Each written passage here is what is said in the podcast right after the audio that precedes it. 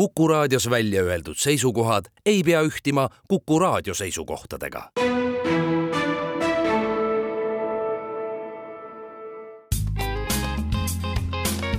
ärimeeter, põnevad vestlused kinnisvarast, majandusest, keskkonnast ja jätkusuutlikust arengust toob teieni Ülemiste City arendaja Tehnopolis Ülemiste. tere tulemast kuulama raadiosaadet Ärimeeter. tänase saate teemaks on kaubandus uurime saatekülalistelt, kuidas kaubandusel läheb, milline on eestlaste ostujõud ja tarbimiskindlus. tänasteks saatekülalisteks on Ülemiste keskuse juht Guido Pärnits, tere Guido! tere hommikust! ja Rimi Baltikumi ostujuht Vaido Padumäe, tere Vaido! tere hommikust! mina olen Ülemiste City ärilinnakut arendava ettevõtte Tehnopolis Ülemiste juhatuse esimees ja ühtlasi selle saate saatejuht Gert Jostov Äh, kuulajate meeldetuletuseks, et lisaks Kuku raadio eetrile saab saadet järele kuulata kuku.ee veebis ja Spotify's. aga sellise sissejuhatava küsimusena mina ja ilmselt mitte keegi, teiega mitte ei mäleta äh, aega enne kriisi, et äh, ja ilmselt selline meeletu õitsengu aeg enne koroonat oli ka natuke äärmuslikku ja ebaloomulikku, et, et kuidas kaupmehed on on siit kriisist kriisi äh, hüpatud aastad üle elanud, et kuidas te, kuidas te sellega olete hakkama saanud? tõsi ta on, et ega need viimased aastad on olnud selline väga korralik kriisiõppus praktikas, et äh, noh, eelkõige vast see Covidi kriis, kui ma täna tagasi sellele mõtlen, siis noh, kõik need kriisiplaanid, mis meil suures ettevõttes tavaliselt on olemas, ega noh, sahtlist välja võttes siis ei olnud nendega nagu midagi teha, et et seda tuligi noh, tollel hetkel oli eesmärk väga lühike ja konkreetne, püsida ise terved ja hoida inimesed toiduga varustatud, et nii lihtne see oligi ja ja täna, kui ma mõtlen tagasi näiteks, et selleks, et Saaremaale saada toidukaubad viidud, ma pidin helistama maavanemale, paluda eraldi luba, et toiduauto võiks üle minna politsei eskordi saatel, siis tundub see ikkagi väga naljakas tagasi mõeldes.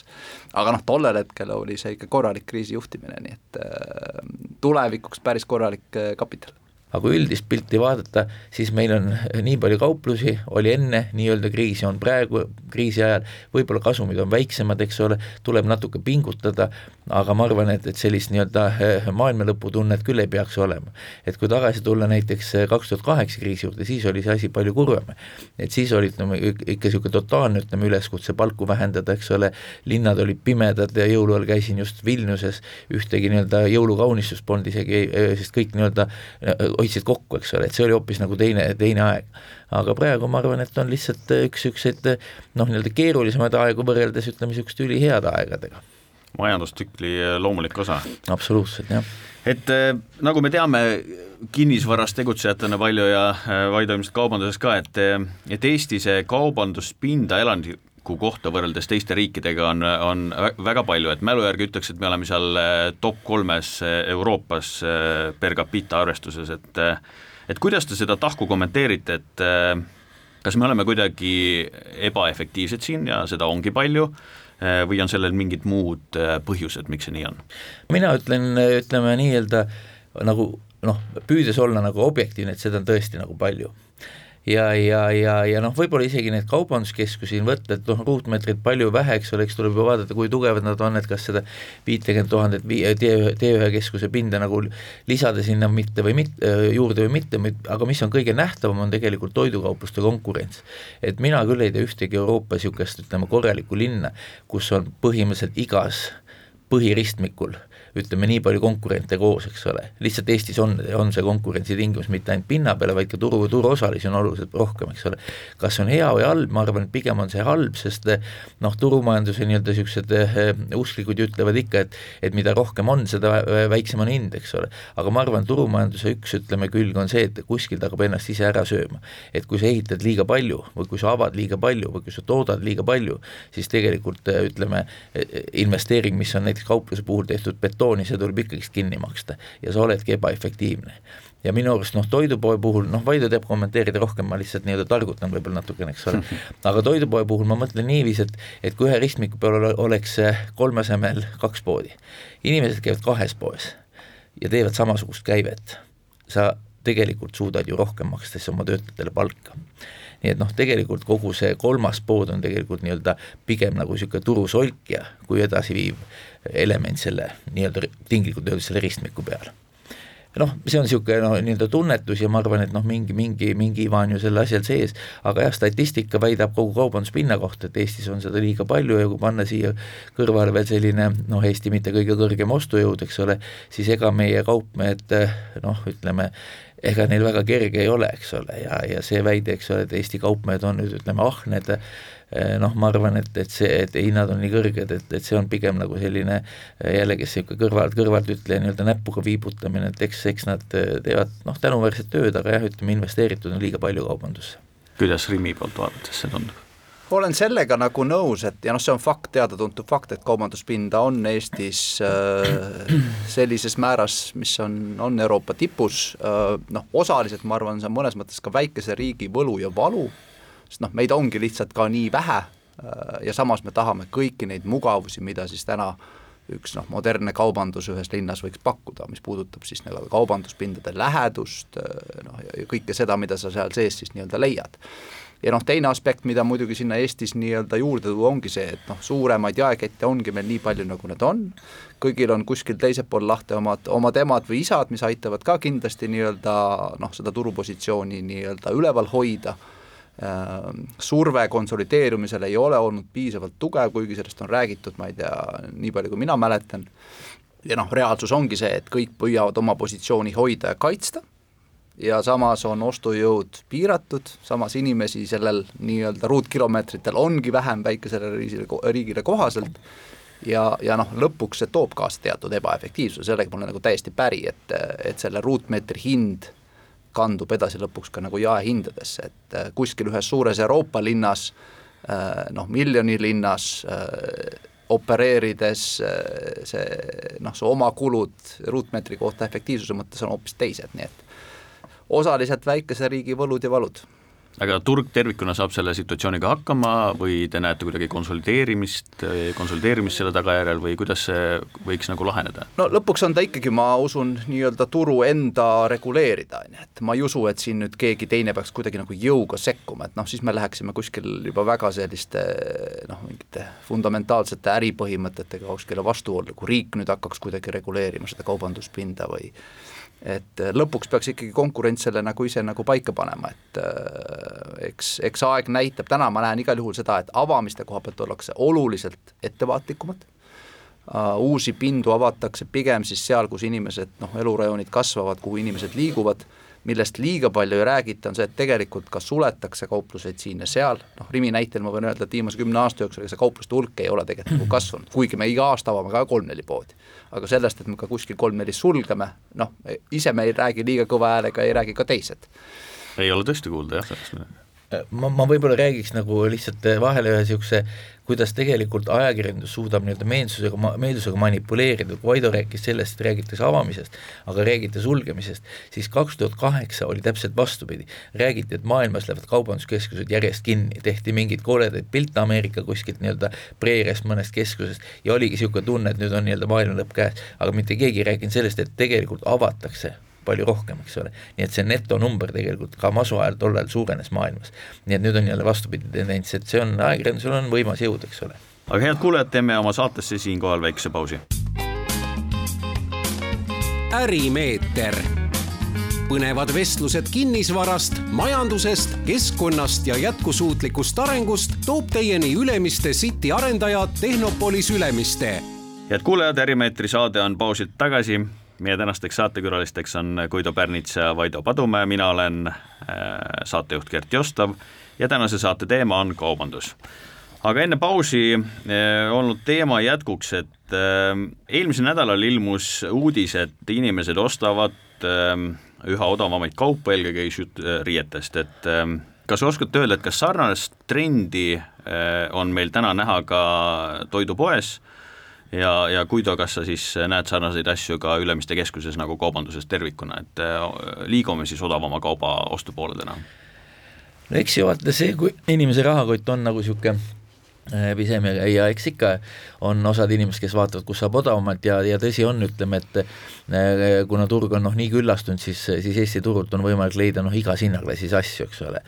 see, kus see uudis tuli, ega ma nüüd seda täpselt ei tea, kas see oli nüüd ütleme, T1 poolt ja, ja nii-öelda pandud enda nii-öelda outlet'ide reklaamimiseks see asi välja või, või kuidagi teistmoodi, aga ütleme nii, et, et, et kui võtta nagu Ülemiste keskus ja meie rõiva segment, siis ega me nagu hinna poolest nagu languses ei ole, eks ole. noh, ütleme nii, et noh, tõenäoliselt võib seal ikka järeldada seda, et äkki ostetakse tükke vähem, eks ole, aga, aga ega see, see statistika on ka või ütleme, inflatsioon on ka selline, selle komponendi lisamine igale poole sama palju lisada ei saa, eks ole, et mõni rõivakaupmees väidab, et tegelikult ta pole hinda tõstnudki. nii et noh, tegelikult ma arvan, et me liigume päris sellises samas rütmis, nagu me liikusime enne, eks ole, aga noh, kindlasti ütleme, on, ütleme inimesi, kes on, on, otsivad nii-öelda odavamat kaupa, kas on see outlet'id, kas on see hüpermarketi nii-öelda non-food sektsioonid, võib-olla ka e-kaubandus, eks ole, aga mingit niisugust tohutut pööret, et kuskilt inimesed kaovad ja kuskile tulevad, seda nüüd ei ole. Ja noh, ma veel kord kordan, et see aeg, mis me praegu elame kaubanduses üle, noh ennekõike Ülemiste keskuse näitel, aga kuna ma tean ka tegelikult üsna hästi, kuidas teistel keskustel läheb, et siis nagu üldiselt turu mõistes, et turul läheb nagu kaubanduses päris nagu hästi, et mingeid niisuguseid suuri nii-öelda kukkumisi küll nüüd ma kuskil ei näe nii-öelda niisuguses nagu üldistavas pildis. Eh, toidukaubanduses ka seda trendi on, on näha, et kui vaadata hinnasegmentide kaupa, kuidas need nii-öelda mahud liiguvad, siis selgelt kõige kiiremini kasvav on täna nii-öelda odavam hinnasegment, et inimesed teevad ikkagi täna nagu teadlikult nii-öelda siis eh, valikuid soodsama hinna kasuks Äh, noh, me hiljuti lansseerisime just ka oma uue nii-öelda Rimi kaubamärgi Rimi Smart, mis on just siis sellisele odavamale hinnasegmendile suunatud ja noh, kui me vaatame täna selle arenguid ja kui hästi see on vastu võetud, siis noh, see on ka selge märk sellest, et et see vajadus odavama hinnasegmendi järgi on, on selgelt olemas ja noh, teistpidi kui vaadata siis näiteks seda premium segmenti toodetest, siis see selgelt kukub. ehk siis inimesed ikkagi nii-öelda downgrade ivad oma, oma ostuvalikuid ka toidupoes ja noh, lisaks sinna kõrvale mahud toidukaubanduses hakkasid juba kukkuma kahe tuhande kahekümne teise aasta kevadest, saavutasid siis sellise kõige oma madalpunkti siis eelmise aasta sügisel, nüüd me oleme siis jõudnud sellisesse võrreldavasse baasi selle loodetavasti kõige madalpunktiga mm -hmm. toidukaubanduses ja me näeme täna ju nüüd ikkagi sellelt baasilt siis juba väikest kasvu et toidukaubanduses need võnked muidugi ei ole kunagi ka nendel keerulisematel aegadel nii suured, nagu nad on võib-olla tööstuskaubas ja, ja, ja muud, muudes kaubandussegmentides, et toidukaubandus oma olemuselt on ikkagi oluliselt stabiilsem äh,, tulenevalt sellest, et see on ikkagi üks noh, inimeste igapäevavajadusest, et, et toitu on vaja, noh, sa teed võib-olla küll, jätad midagi ostmata, ostad midagi odavamalt, aga need võnked ei ole muidugi võrreldavad võib-olla mingite teiste segmentidega hästi, aga ma küsin siia juurde, et äh, Vede, sa tegutsed Baltikumi üleselt, äh, näed seda turgu äh, kolmes Balti riigis, et millised need riikidevahelised erinevused on, et on seal üldse erinevusi tarbijakäitumises või, või kuidas sa näed seda? Sarnasusi on selgelt rohkem kui erisusi, me kõik käisime läbi sellest äh, tohutust nii-öelda hinnatõusu piigist, see tekitas üsna sarnased mustrid tarbijakäitumises, tarbijakindlustunne kukkus oluliselt, ostumahud hakkasid kukkuma, inimesed ostavad rohkem odavamaid tooteid, kampaania osakaal on pigem kasvutrendis, et need trendid on kõik sarnased. Küll ajalooliselt on seal mõningad erinevused, kui me näiteks vaatame Läti turgu, siis noh, Lätis kampaaniate tähtsus ja osakaal on oluliselt suurem, noh, me toidukaubanduses räägime sellisest keskmiselt nelikümmend neli protsenti toidukaupadest Lätis näiteks liigub läbi puhtalt kampaaniahindade. Eestis on see kümmekond protsenti madalam. Okay.. et on mingeid erisusi, mis olid juba ka enne neid nii-öelda keerulisemaid aastaid äh, ja need on jäänud, äh, aga suures pildis on need trendid suhteliselt sarnased, noh muidugi me peame meeles pidama, et ka ka toidukaupmeeste äh, nii-öelda struktuur, kui palju, milliseid kette Eestis, Lätis, Leedus on, see ka kuigi palju mõjutab seda pilti, et et Eesti, Eestis on see turg oluliselt rohkem killustunud, Lätis Rimi, Maxima, kaks suurt, siis tuleb tükk maad tühja ruumi, kui tulevad järgmised ja väiksemad, Lidl on aktiivselt sisenenud, et noh, need turudünaamikad on natukene erinevad ka tulenevalt lihtsalt sellest turupositsioonist, aga tarbija vaatest suures pildis trendid üsna sarnased. aga vaatame nüüd korra kaubanduse tuleviku vaates, et mis teie arvates lähiaastatel kaubandusest nüüd oluliselt juhtuma hakkab, et äh, kas kaubanduskeskuste ja, ja toidupoodide roll on kuidagi muutumas võrreldes sellega, mis ta siiamaani on olnud? Äkki Guido, sina? ei, ma nüüd ei arva, et nüüd ütleme midagi nagu täiesti uut on tulnud, et, et see, et et kaubanduskeskused muutuvad rohkem sellisteks multifunktsionaalsest meelelahutuskeskus, see on juba niisugune aastaid vana jutt, et see ju midagi, mingit uut nii-öelda sõnumit edasi ei anna. eks me ju areneme ikkagist niiviisi, et me pakume, tahame inimestele pakkuda rohkem, ütleme, kui nüüd ütleme seda ostmist ja ja selles mõttes noh, Ülemiste keskus on olnud nagu väga edukas. ma arvan, et nüüd kaubandus iseenesest, kui mõtelda, et noh, teine asi on noh, räägitakse siin on räägitud e-kaubandus ja palju tema nüüd niisugust tavakaubandust nii-öelda häirib ja ja vähendab, eks tal oma roll ju selles on, aga noh, ka siin ma midagi niisugust äh, kohutavat ei näe, et et kui vaadata nagu siin Emori viimast uuringut, et kuidas on eestlase nagu e-kaubanduse ütleme,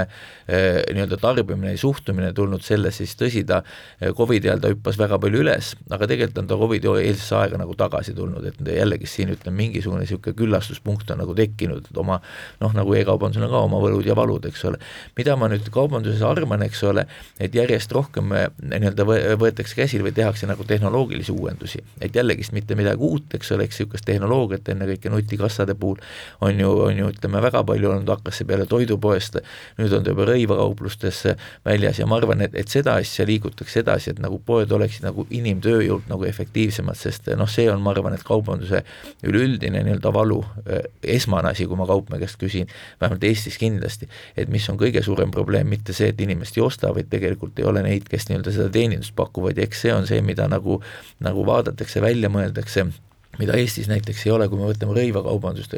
et ja ka väljamaa keskustes olen väga palju kohanud, on näiteks, et, et ka seal on kassad, ütleme, mitte inimestega. ehk siis ka need nii-öelda turvaelemendid võtab inimene ise küljest ära. ja noh, see on niisugune, ütleme, suur, suurem muutus, mida ma olen viimasel ajal noh, ütleme nii-öelda reisides näinud, et et kui aasta tagasi nagu seda vähemalt ei pannud enne tähele. nii et eks niisuguseid tehnoloogilisi killukesi nagu tuleb, aga aga niisugust üldine kaubanduse vajadus või positsioon turul, ma nüüd arvan, et see nüüd küll kukkuma ei hakka. ma mõtlen füüsilist kaubandust. ja no, rohkem siis iseteeninduse poole? Äh, jah, ma ütlen, niisugune tehnoloogia, eks ole, inimeste vaba, eks, eks ütleme, see ai tuleb ka kindlasti noh, ütleme le-, äh, läbi selle ka leiutatakse mõned nii-öelda efektiivsemad või või võib-olla niisugused põnevamad momendid inimeste kaubandus nii-öelda äh, kogemuse suurendamiseks või kauplemiskäi-, kaupluses käimise kogemuse parandamiseks või suurendamiseks ja eks ma arvan, et tehnoloogia on see, mis tegelikult mängib nagu ütleme, meie tulevikus kõige suuremat rolli Vaido, kuidas sina näed seda? me vaatame selles mõttes tulevikku üsna sellise mõõduka optimismiga, et, et noh, nagu me ütlesime, usume, et see nii-öelda mahtude mõttes on meie jaoks nii-öelda põhimöödas, et siit ootaks pigem edasi sellist vaikset, aga kindlat äh, kasvujoont, noh, me usume samas, et see hind jääb olulisemaks vähemalt nüüd lähiaastatel, kui ta on olnud enne neid viimaseid keerulisi aastaid et noh, või me oleme sisemiselt rääkinud sellisest võrdlusest nagu võib-olla lennundussektoriga, kus noh, täna mõnes mõttes võib öelda, et Ryanairi ja EasyJet on on jäädavalt muutnud seda, mida sa ootad nii-öelda lennufirmadelt, et et me usume ka, et toidukaubanduses võib-olla natukene seda sellist äh, nice to have pakkumist ja kõike tulesid ja vilesid ja kõike seda tulebki natukene optimeerida äh, ja, ja selleks, et suuta siis pakkuda päris nende põhivajaduste mõttes siis äh, noh, ikkagi ka head ja soodsat hinda kliendile, et, et see, me usume, et see hinnatähtsus lähiaastatel kindlasti jääb kõrgemaks, kui ta, kui ta oli varem. ja noh, sinna juurde muidugi kõik need digi- ja, ja tehnoloogiaarendused, et, et noh, toidukaubanduses me täna näeme poode, kus iseteeninduse osakaal ületab juba seal kuutekümmet protsenti, ligineb seitsmekümne protsendile, noh, ma usun, lähiaastatel jõuda sinna, et, et ma ei tea, viiest vähemalt kolm ostu tehakse iseteeninduslahendustes, võib-olla neli ostu on täiesti reaalsus, sest noh, muidu see palgasurve ja kulude kasv ei, ei ole nagu jätkusuutlik, et, et seal ikkagi väga aktiivselt kõik otsivad lahendusi, et kuidas seda siis tehnoloogia abiga maandada hästi, see, see, mida Guido siis põhimõtteliselt ütles, et, et sarnase, sarnane nägemus. ma, ma lõpetuseks toon ka jälle ühe niisuguse noh, näite, mis mul meeles on, et kui me eh, kaks tuhat üheksateist tegime laiendust ja Rimi siis muutis oma asukohta. ja noh, kogu kassaliin mängiti ümber ja siis ma vaatasin, et noh, selle plaani pealt, et palju neid nii-öelda letiga või neid kassast on, palju nutikassast on, eks ja sul oli vist kuskil äkki mingi kolm-neli tükki neid, noh, hästi vähe, ja siis ma mõtlesin küll, et siin on mingi viga toimunud, et nii ei saa olla, eks. aga praegu poes käies vaatad tõesti, et, et üks kassa ongi lahti, kõik need ülejäänud kaks-kolm-neli, eks ole, on kinni ja kogu see mass tegelikult toimetab selle omasoodu. ja, ja ma ütlen, et aega on ju läinud tegelikult noh, ütleme neli aastat ainult sellest, ütleme nii et, et see on väga kiiresti arenenud küll, just et kuidas inimene selle tehnoloogilise nii-öelda uuenduse vastu võtab. jah, muutused tulevad kiiresti, et aga head kuulajad, teeme oma saatesse siinkohal teise pausi. ärimeeter. põnevad vestlused kinnisvarast, majandusest, keskkonnast ja jätkusuutlikust arengust toob teieni Ülemiste City arendaja Tehnopolis Ülemiste. head kuulajad, oleme pausilt äh, tagasi, meie tänased saatekülalised on Guido Pärnits ja Vaido Padumäe, mina olen saatejuht Gert Jostov ja teemaks seekordses Ärimeetris on kaubandus, et äh, et meenutades võib-olla seda eelmist äh, meie Ärimeetri saadet, kus meil külas olid äh, pankurid, et siis nendega rääkides selgus, et laenu andmisel on oluliseks muutunud äh, ettevõtete CO2 jalajälg. kuidas sellega kaubanduses on, et kui palju on üldse kaubanduses ruumi või potentsiaali CO2 jalajälje vähendamiseks? no kui sa küsid nüüd ütleme nii-öelda niisugust kaubanduskeskuse nagu vaatepunktist, et eks ta ikka on ja, ja, ja muidugi ütleme ka meil Ülemiste keskus oli täna öösel oli just rohehäkaton, kus, kus ütleme viis-kuus ankurentnikut nii-öelda oma tiimidega siis äh, mõtlesid välja, milliseid nii-öelda niisuguseid äh, CO2 jalajälge vähendavaid tegevusi või materjali nad tahaksid hiljem kasutada, ka Rimi oli üks nendest, eks ole. nii et noh, ma neid tulemusi veel ei tea, mis seal on, aga eks me mõtleme ikka selle suunas. aga noh, sama, samas me vaatame, et ega nagu noh, nii-öelda üle oma varju ei hüppa ja ma arvan, et kogu see rohetemaatika on natukene nii-öelda üle push itud, eks ole, kuna ei arvestata siiski, et, et majandus või majandus nii-öelda vajadused tulevad nagu asjale vastu. et eks ta tasapisi liigub, eks ole, võib-olla mitte nii kiiresti, kui on planeeritud. ja eks me püüame ju kõik teha, ütleme seda, mida, mida, mida me, mida me tahaksime, et seda CO2 mõttetut CO2 oleks nagu vähe, eks ole, aga, aga ma arvan, et kaubandust me ei saa, ütleme, kuna ta ikkagi baseerub hinnal, ütleme niivõrd ära rohestada, eks ole, et ütleme, see hinnakomponent, see roheosa muutub liiga suureks ja tarbijat nii-öelda, tarbijale teeb selle ostmise nagu võimatuks ja nii et eks me töötame ja noh, kaubanduskeskus on nii nagu ütleme, niisugune iga kinnisvara, et et ma arvan, et automatiseerida kogu hoone juhtimist, eks see on nagu niisugune ütleme, niisugune võtmesõna, et kuidas meie saaksime siis nagu, nagu rohejälge vähendada. kui kaupmehe seisukohast võtta, siis noh, kogu see pakendi teema, eks ole, korduvkasutus, et need on see, need, millega edasi liigutakse, eks seal ole ka omad, ütleme, sellised eh, noh, nii-öelda momendid juures, mida Vaido võib-olla oskab paremini kirjeldada, aga noh, ütleme, võimalused on, aga võimaluse kasutamine, see on juba nagu paljuski ka inimfaktoris kinni, eks ole, et kas inimene tahab, ütleme, pakkuda oma kliendile, ma ei tea, restoranis ütleme, siis nagu, nagu korduvkasutatavat pakendit või ütleme, et võtad see papptopsik, nii nagu ikka oled harjunud võtma ja ja noh, see on nagu natuke mentaalne ka, et et surutakse küll regulatiivselt peale, aga noh, inimesed ei tule paraku alati nii väga kaasa, eks ole. et olgu seal põhjus hind, eks ole, või harjumus või, või mugavusaste, aga, aga noh, liigume, liigume vaikselt sinnapoole, eks igas tööstusharus on, ütleme, võimalusi natuke rohelisemaks muutumiseks ka, ka kaubanduses. aga võib-olla mõnes kohas on rohkem kui, kui meil toidukaubanduse vaatest on ta igal juhul aktuaalne teema, noh meie jaoks eelkõige siis eh, selline prioriteet on olnud seesama toidukodude vähendamine, et noh, seal siis ise teha oma operatsioonides ära selline arvestatav muutus, mis puudutab siis noh, kaubavarude planeerimist ja seda, et sul ikkagi õhtul noh, suudaksid oma sellisest kõige värskemast kaubast need letid enam-vähem tühjaks müüa, et sa ei pea neid kuskile prügikasti viskama ja nii edasi ja, ja, ja, ja seal nende allahindluskleebiste kasutamine ja, ja, ja viia kliendini see sõnum, et see on täiesti okei okay,, kui sa täna plaanid süüa teha, et ma ostan selle allahindluskleebisega toote, noh, millel on täna realiseerimine, et sellel tootel ei ole kvaliteedi mõttes mitte midagi viga, et et noh, nügida seal tarbijat, vaadata üle, kuidas ise targemini planeerida, noh see on olnud nagu üks suur prioriteet meil viimastel aastatel ja noh, mul on hea meel, et me oleme selles osas, ma arvan, olnud eeskujuks ja nüginud ka teisi jaekette Eesti turul, et ma näen seda järjest rohkem ka aktuaalse teemana nagu teiste jaoks. ja noh, toidukaubandus, ma arvan, tervikuna noh, positsioon, mis meil selles tarneahelas on, olles siis tarbija ja teistpidi ka tarnijate vahel, siis noh, ma arvan, et meie roll ongi olla noh, natukene see nügija nii tarbija suunal, et noh, kuidas sa oma külmkappi kodus planeerid ja hoiad ja mida sa saaksid teha, et sealt võimalikult vähe toidukadusid tekiks kodus ja teistpidi siis muidugi panna ka väga selged ootused meie tarnijatele. milliseid kaupasid, milliseid pakendeid, millist jalajälje vähendamise programmi me nendelt ootame, et noh, selles mõttes on, ma arvan, kaupmehel väga oluline roll kogu selles tarneahelas, et seda, seda muudatust siis tegelikult äh, nügida. ma, ma ütlen veel, et et ma just eile nagu mõtlesin selle asja peale, et just mida Vaido rääkis, on see toidu, toidu asja, toidu äraviskamine. ja noh, tegelikult see on ikka väga nagu suur, ütleme kogustes ma mõtlen, et noh, kogu maailmas ja ka Eestis, eks ole, ja mis tegelikult nagu võib-olla seda nagu võimendab, on niisugune regulatiivsus, mis on natukene ülehinnatud, eks ole, sest ikka noh, minu kui tarbija jaoks, inimesed on eritundlikkusega, aga ma arvan, et enamus on niisugused, kui ma vaatan ikkagi nagu parim enne silti, siis ma tean, et tegelikult ma võin selle nädal aega süüa, eks ole. ja miks ei võiks seda siis allahinnatuna müüa kaupluses rohkem kui seesama loetud tunnid seal, ütleme, selle päeva lõpus, on ju ja, ja noh, ma arvan, et seal on mingisugune trahv kuskil soolas, et keegi nii-öelda kaebab selle peale, aga, aga noh, vastukaaluks on see, et me viskame toitu ära, mis on ju absoluutselt, ütleme, niisuguse rohemõtteviisi vastane. Et, et ma arvan, et neid natukene niisugust kaupmeeste võimalust või, või, või lubadusi, et nad võiksid, ütleme, müüa ka ütleme noh, ma ei ütle, et halvaks läinud toitu, aga mille teatud tähtaega möödas, et seda võiks natuke vabamalt nii-öelda reguleerida, kui ta praegu on tehtud jah, kuskil nelikümmend protsenti toidust vist olla, olla nii, et visatakse ära, et äh, päris, päris suured kogused. noh, kodutarbimisest on noh, tegelikult faktipõhiselt näha, et sealt tuleb see kõige suurem kogus, äh, aga noh, kindlasti on ka kaupmeestel siin oma roll, oma, oma igapäevastes toimetamistes ja samamoodi tootjatel, et noh, siin selles mõttes ma arvan, kõik peavad vaatama peeglisse, nii tarbija, kaupmees kui tootja ja, ja noh, tervikuna siis selles ahelas teha pingutusi, et neid toidukodusid vähendada, et aga tundub, et me oleme selles mõttes, teadlikkuse mõttes vähemalt Eestis nagu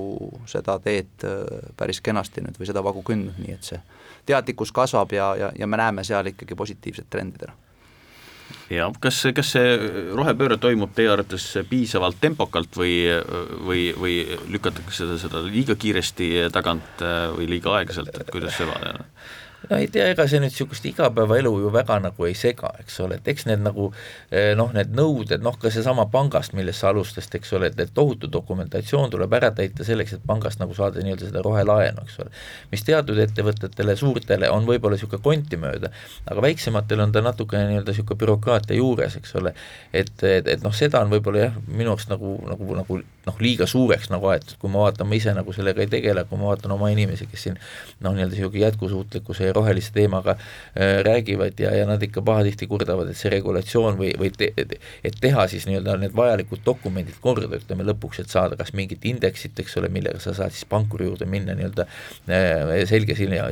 silma küsima nii-öelda rohelaenu, et need on päris nagu koormavad, eks ole. vahest ei ole nende taga ka mitte midagi rohkem kui lihtsalt ütleme, niisugune ütleme, usin nii-öelda paberi täitmistöö nii-öelda projekti kirjutamise mõistes, eks ole. nii et äh, noh, eks tal niisugune iga asjaga tekib nagu niisugust bürokraatiat ja liigset asja juurde ja ja, ja, ja ma arvan, see rohepööre lihtsalt ta puht nagu praktiliselt ei toimu nii kiiresti, kui tegelikult seda nagu tahetakse. Et noh, võtame kas või majade soojustamise, eks ole, palju on, ütleme, noh, ma ei räägi Eestist, ma räägin tegelikult kogu Euroopast, sellised noh, nii-öelda meie mõistes nagu nõu-, nõukaajal ehitatud hooned, et et ja, ja, ja palju tegelikult sinna tuleb investeerida, mitte rahalises mõttes, ajalises mõttes, et see kõik siis mingiks ajaks viia sinnamaani, kus tahetakse, et kuskil mingi piirkond või mingi sektor oleks süsinikneutraalne, et see lihtsalt on nagu praktiliselt nagu võimatu neid asju teha. Mm. -hmm. ma lihtsalt lisaks selle rohepöörde teema juurde veel seda, et äh, ma arvan, et see on vajalik ja kohati ka valulik, et see noh, seal on mingeid otsuseid ja valikuid, mis tuleb lihtsalt nagu ära teha, ma ei usu, et me leiame noh, ainult populaarsete otsuste toel selle või me suudame selle muudatuse nagu läbi viia, et noh, loomulikult tuleb seal otsida seda tasakaalu nende äh, selle, selle ajagraafiku ja investeeringute ja tasuvuse kõige selle juures, aga ma arvan, fakt on see, et, et see muudatus on, on, on vajalik ja valulik, et äh, ei ole nagu teist teed, et äh, selles mõttes ma saan täiesti aru nendest äh, otsustest, mida nii Euroopa tasandil kui, kui Eesti riik peab siin tegema. Erineva kiirusega kindlalt sinnapoole liigume, et aga korraks võib-olla rohepöördest tulla kaubanduse juurde tagasi, et kui rääkida siin äh, natuke maksudest, et, et eriti käibemaksust, et, et teatavasti esiteks meil käibemaks järgmisel aastal kahe protsendipunkti võrra on tõusmas, samas Eesti käibemaksumäär eriti toidukaupade vaates võrreldes siis teiste Lääne-Euroopa riikidega on üpriski kõrge, kaupmehed on siin rääkinud, et, et toidukauba osas vähemalt seda võiks väiksem olla, poliitiline eliit vaatab seda kui võib-olla sellist kaupmeeste võimalust kõrgemat hinda küsida, et niikuinii sellest midagi nagu turul ei muutu, et hinnad on kõrged edasi ja kaupmehed saavad suuremat kasumit, et kuidas te, teie seda näete, et võib-olla eriti Rimi vaatest olete? no see on fakt, et Eestis on ühe, ühest vähestest Euroopa Liidu riikidest siis nii-öelda toidul sarnane käibemaks nagu, nagu kõikidel gruppidel, et on vähe neid riike, kus toidul ei oleks mingeid erisusi, äh, noh, ma olen seda enne ka öelnud, ütlen ka täna, et no minu arvates ei ole õige, et leival, piimal on sarnane käibemaks, nagu on äh, luksusautol. Ma saan aru, et see on lõpuks riigi selline maksupoliitika valikute küsimus, aga noh, teistpidi seesama igapäevane vajadus toidu järele ka nendele sihtgruppidele, noh, kelle jaoks on see üks esmavajadus, siis noh, riik peaks seal tegema ka ikkagi, ma usun, täna teistsuguseid valikuid kui ta tahab siin midagi. ei, ma, ma nagu tegelikult ütlen, maksudebatt on niisugune pikem asi, et sellest nagu, seal on nagu nii palju erinevaid aspekte, et kui me nüüd nagu õudselt rõhu, rõhume selle, et nüüd käibemaks tõuseb kaks protsenti, et nüüd on kõik maailm läbi, eks ole. tegelikult me võiksime juurde võtta hoopis teised asjad, et näiteks minu arust üldse, kui maksundusest ja ettevõtluse maksundusest rääkida, siis räägitakse maksutõusust, aga, aga unustatakse ikkagist ära, et Eesti on üks ainsamaid riike, kus ei ole ettevõtluse klassikalist tulumaksu. ja see on see, milleta nagu me ei, ei, ei suudagi enam nagu, et ilmselt noh, nii-öelda investoritel näiteks elada, eks ole, aga me nagu ei räägi sellest, et ühe külje pealt võib-olla mõne maksuga tuleb rohkem maksta, aga mõnda jälle vähem, nii et tegelikult tuleks kogu maksukoormust kokku võtta ja noh, ütleme olemata maksuekspert, ma arvan, et Eesti maksukoormus üldiselt ei ole nüüd ütleme Euroopas kuskil ütleme tipus, vaid pigem ütleme niisuguses mõõdukas kohas, nüüd kuidas see jaotub, kas on õige, ütleme, astmeline tulumaks või mitteastmeline tulumaks, kas ettevõtlusel peaks olema, ütleme, nii-öelda sada protsenti tulumaks või mitte, eks ole, need on juba tõesti nii-öelda küsimused nii-öelda valitsejatele ja ütleme siis nii-öelda kriitikutele või nii-öelda niisugusele ekspertidele, kas need on õiged või vähemalt. ma ise arvan, et Eesti maksusüsteem ei ole nagu väga nagu koormav, ütleme inimestele või ettevõtjatele, aga jällegist, et igaüks tõmbab tekki enda peale ja kui, kui ütleme, siin toidukaupmees räägib, ütleme sellest kahest protsendist toiduhinnale, ju tal on ka mingisugune õigus, eks ole, aga võiks mõtelda siis kogu selle tsüklile, eks ole, kus siis nagu parem maks on, kas võib-olla on, ütleme, inimestele väiksem tulumaks, eks ole, me ei anna ju ennast võrrelda nagu Skandinaaviaga ja, ja nii et ta on jah, natukene nagu niisugune ütleme, võib-olla võib-olla spetsiaalsem teema, millest nagu tuleks nagu pikemalt rääkida, analüüsida võib-olla maksunduse erinevaid tahke, mitte ainult ütleme seda praegu jutuks olnud käibemaksu või veel hullem automaksu, eks ole, millest ei peaks üldse nagu rääkima mm. -hmm. aga nüüd eh, võib-olla saate lõpetuseks, et, eh, et oletame, et eh, riigivalitsejad meie saadet siin kuulavad ja ootavad, ootavad nõuandeid, et mis mis, mis nõu te neile annaksite kaubanduse edendamise vaates? Noh, vaata kaubandus on noh, minu mõistes natukene kitsas, eks ole, mis selle, mis selle vaates, eks muidugi siin võib rääkida nii, et diferentseerime käibemaksu ja niisugused teemast, eks ole, aga ma arvan, et, et pikema või noh, nii-öelda suuremas pildis on, on see, et et mind nagu väga häirib üks asi praegu, et me räägime tegelikult riigieelarve tasakaalu viimisest ja see on ainukene asi, millest riik suudab rääkida, eks ole. aga tegelikult see, et, et mida nagu teha, et ütleme, riigi majandusel ka tulevikus paremini läheb, et sellest tegelikult praegu nagu ei, ei iitsatata, loodetakse mingisugusele roheinvesteerimisele, investeeringutel Euroopasse, et kui me selle nii-öelda mõistlikult ära kasutame, küll siis majandus tõusma hakkab, aga noh, tuhkagi ei hakka. ma ütlen neis üks asi, et, et, et mis minu arust nagu äh,, nagu, nagu on nagu balansist väljas, et ma saan aru, siin on väga palju niisuguseid emotsionaalseid tundeid juures, eks ole, et me tõstsime oma kaitsekulutusi kolme protsendi peale, mis minu arust ei ole nagu efektiivne raha kulutamine tänases maailmakorras, eks ole, kus sul on tegelikult nii-öelda NATO tugi igal juhul olemas ja, ja tundub, et praegu me oleme selles ajas, mis oli nii-öelda Džingiskhaani ajal või mongolite ajal, et kus kõige kõvem riik oli see, kellel oli kõige tugevam sõjavägi, eks ole. minu arust praegu on ühiskond hoopis teine, kõige tugevam riik on see, kellel on kõige targemad inimesed, kõige parem haridussüsteem. et ma arvan, et see on see, kuhu Eesti riik peaks nagu raha panema ja, ja tuleks lahti saadma sellest dogmast, et kui ma võtan laenu, ma võtan laenu ainult investeeringu jaoks, eks ole, ma ei kata seal jooksvat kulutusi, et minu arust nagu investeering õpetajate palkadesse näiteks, eks ole, kitsamalt, on sama tähtis investeering kui investeering, ütleme Tartu-Tallinna maantees. et investeering tänapäeval, ütleme niisuguses intellektuaalses maailmas ei ole ju see, et sa saad seda investeeringut aasta pärast katsuda, eks ole sa tegelikult investeerid sellepärast, et asi nagu paremaks läheks. ja ma arvan, et see on üks asi, mis Eesti nagu vaatab väga viltu, et ta paneb kaalukausile sõjakulutused ja, ja hariduskulutused, no minu arust peaks see asi natukene teistmoodi olema. hästi, Vaido ega ma midagi väga uut ja unikaalset ei oska siin, ma arvan, nõu anda. Äh, ma arvan, lihtsalt tuleb meelde tuletada meile aeg-ajalt meile kõigile, et ega see raha ju lõpuks riigikassasse ei tule kuskilt mujalt kui meie kõigi elanike ja ettevõtete taskust. Äh, see, kui hästi läheb ettevõtetel, noh, sellest sõltub väga palju ka kogu riigi nii-öelda käekäik. täna tuleb otsida, ma arvan, seda tasakaalu siis nendesama maksudebattide ja, ja kulude kärpimise teemal ja noh, nagu Guido rääkis, need, need investeeringud tulevikku peaks selles mõttes olema noh, visiooniga ja sihitud, et, et mis on see, mis meid tulevikus ja pikas perspektiivis aitab, et selles mõttes ei, ei midagi uut ja unikaalset, aga ma arvan, teinekord hea selliste põhitõdede peale mõelda aga head kuulajad, meie saateaeg on tänaseks läbi saanud, Ärimeetri saate poolt tänan tänaseid saatekülalisi Guidot ja Vaidot. mina olen saatejuht Gert Jostov ja kuulajatega kohtume juba kahe nädala pärast ärimeeter. põnevad vestlused kinnisvarast, majandusest, keskkonnast ja jätkusuutlikust arengust toob teieni Ülemiste City arendaja Tehnopolis Ülemiste